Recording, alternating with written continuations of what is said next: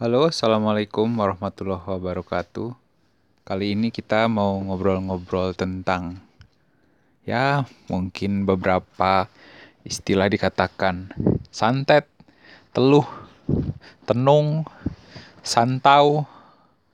Cuma sebenarnya bukan bagaimana cara menyembuhkannya atau bagaimana kita hanya berbicara tentang eh, ciri-ciri atau ya paling nggak kalau ada sesuatu pada diri kita atau keluarga kita kita bisa tahu ah ini mah sakit biasa. Oh ini sakit karena dibuat orang. Nah memang literat literatur pengetahuan tentang ini saya kumpulkan dari beberapa sumber.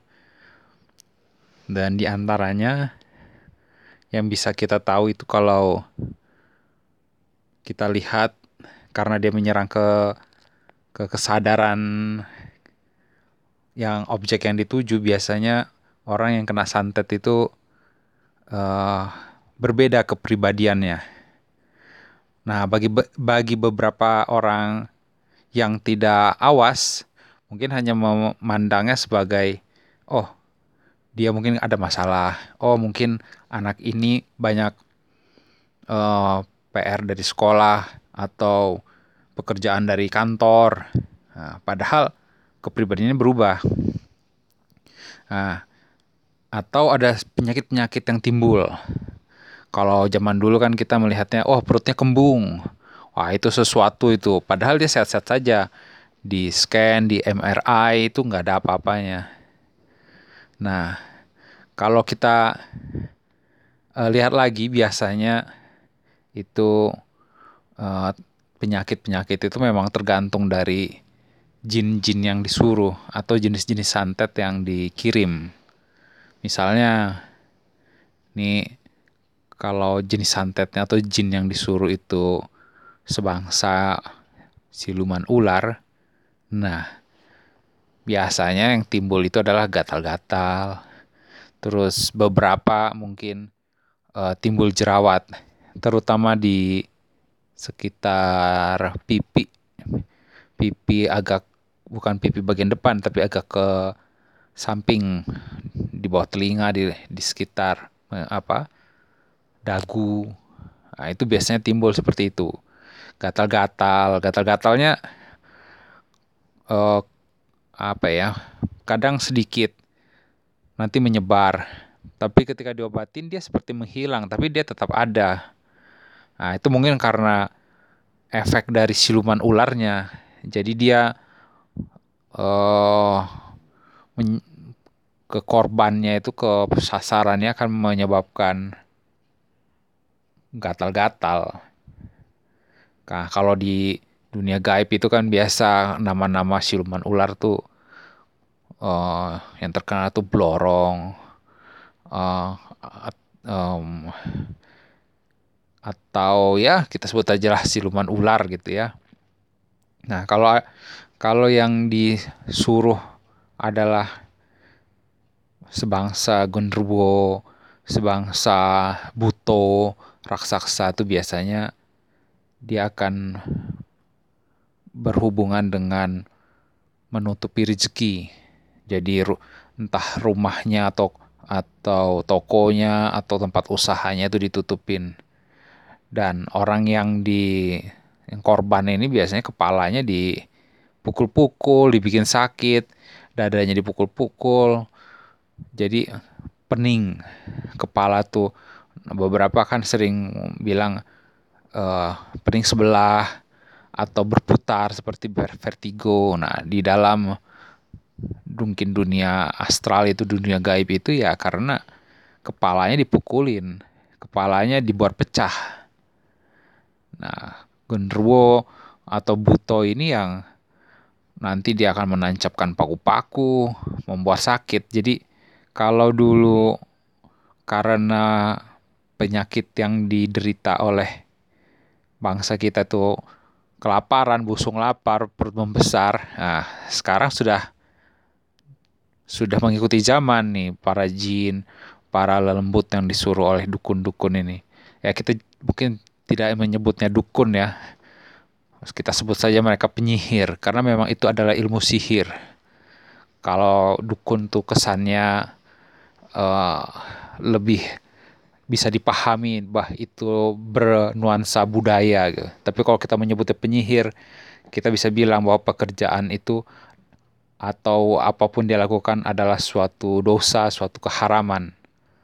Nah, kembali ke tadi penyakit penyakit-penyakit yang dibuat oleh santet itu akhirnya bermanifestasi seperti yang kita lihat di zaman sekarang, kayak uh, benjolan, kayak uh, vertigo, kayak stroke, kayak kepala pusing sebelah. Nah, nah penyakit itu timbul biasanya mempunyai jam-jam tertentu. Dia mungkin setelah maghrib sampai isya atau sampai jam 10 malam atau mungkin timbul hanya pada setiap hari Selasa atau hari yang sesuai dengan hari kelahiran korban. Nah, itu itu salah satu ciri-ciri bahwa ini adalah santet. Kemudian kita bisa lihat juga sebenarnya santet itu terkadang ditujukan kepada orang tua.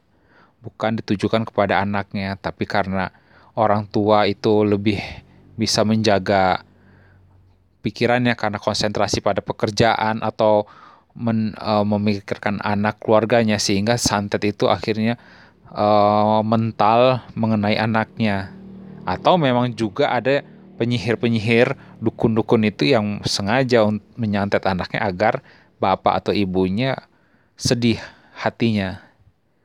Nah, makanya uh, yang punya anak, yang punya keluarga, kalau bisa sholat bersama, zikir bersama, agar semua terlindungin. Jadi kalau misalnya kita lihat anak jadi melawan orang tua, tidak mau mendengar. Nah, itu itu sesuatu itu. Dikatakan dinasihati yang baik-baik tidak mau mendengar, wah itu itu sesuatu. Itu bisa menjadi tanda-tanda. Nah, ada juga kalau misalnya yang dikirim itu sebangsa kuntilanak, uh, ya, jin-jin yang berbentuk perempuan, nah, itu biasanya membuat orang yang dituju itu menjadi seperti sedih, seperti uh, selalu dalam keadaan murung. Nah, itu kita harus waspada juga kalau ada anggota keluarga kita yang secara emosional dia gampang sedih, gampang menangis, gam menangisnya berkepanjangan, sedihnya berkepanjangan, sering mendengar seperti membisikkan sesuatu. Itu itu mungkin bangsa jin yang dikirimkan adalah yang sebangsa kuntilanak itu. Mereka menarik-narik, membisik-bisikkan, bisa untuk supaya sedih terus, merasa kehilangan, merasa ingin bunuh diri.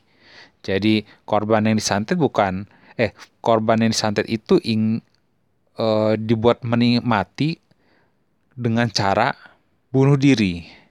Ada yang ditarik-tarik, diajak-ajak supaya terjun dari lantai ketinggian, lantai tingkat 2, 3, 4, ada yang dibisik-bisiki untuk memotong uh, nadinya, ada yang dibisiki memanjat tower. Gitu. Nah, itu itu kita harus berhati-hati dengan kalau ada keluarga atau orang di sekitar kita yang sedihnya, melankolisnya terlalu berkepanjangan. Kemudian uh, dari uh, ada juga yang tanda-tandanya itu seperti tidak fokus, uh, ngomong ini lupa dari apa yang diomongkan. Mungkin beberapa dari kita itu menganggap it, uh, itu seperti apa ya memori pendek ya. Tapi kita harus perhatikan juga itu memang karena mungkin otak yang diserang. Uh, kemudian, nah karena beberapa yang diserang itu adalah bagian dada, bagian perut. Nah, biasanya manifestasi yang timbul itu penyakit jantung, dada berdebar-debar. Kemudian kalau di perut itu uh, banyak komplikasi, maksudnya keluhan-keluhan sering sakit perut, uh, mah, asam lambung. Nah, itu itu mungkin secara zaman modern sekarang kita anggap sesuatu yang karena keadaan stres, keadaan makanan, keadaan uh, higienis higien dan sanitasi makanan. Tapi kita harus tetap waspada dengan terhadap serangan-serangan gaib itu. Jadi kalau ada jantung, apalagi jant uh, uh, keluhannya itu ketika timbulnya ketika waktu-waktu tertentu. Pas mau sholat atau malam mau tidur atau pagi ketika uh, subuh atau tengah malam ingin tahajud atau apa lalu dia timbul. Nah itu itu harus tetap waspada itu. Jadi kita jangan meremehkan tanda-tanda yang muncul di ya, atau keluhan-keluhan yang ada uh, jadi semua itu ada tanda-tandanya ibarat kata orang tua kita kalau hari mau hujan itu pasti ada uh, tanda bunyi guruh di langit, bunyi guntur, awan menghitam. Nah, ini seperti santet juga dia ada tanda-tandanya. Nah, semoga rekan-rekan semua yang siapa pun yang mendengar ini bisa me menjadi waspada, menjadi awas terhadap eh, gejala-gejala yang timbul di sekitar kita. Ah, mungkin ini saja yang bisa saya ceritakan berbagi. Nanti kita sambung lagi di lain kesempatan. Terima kasih. Assalamualaikum warahmatullahi wabarakatuh.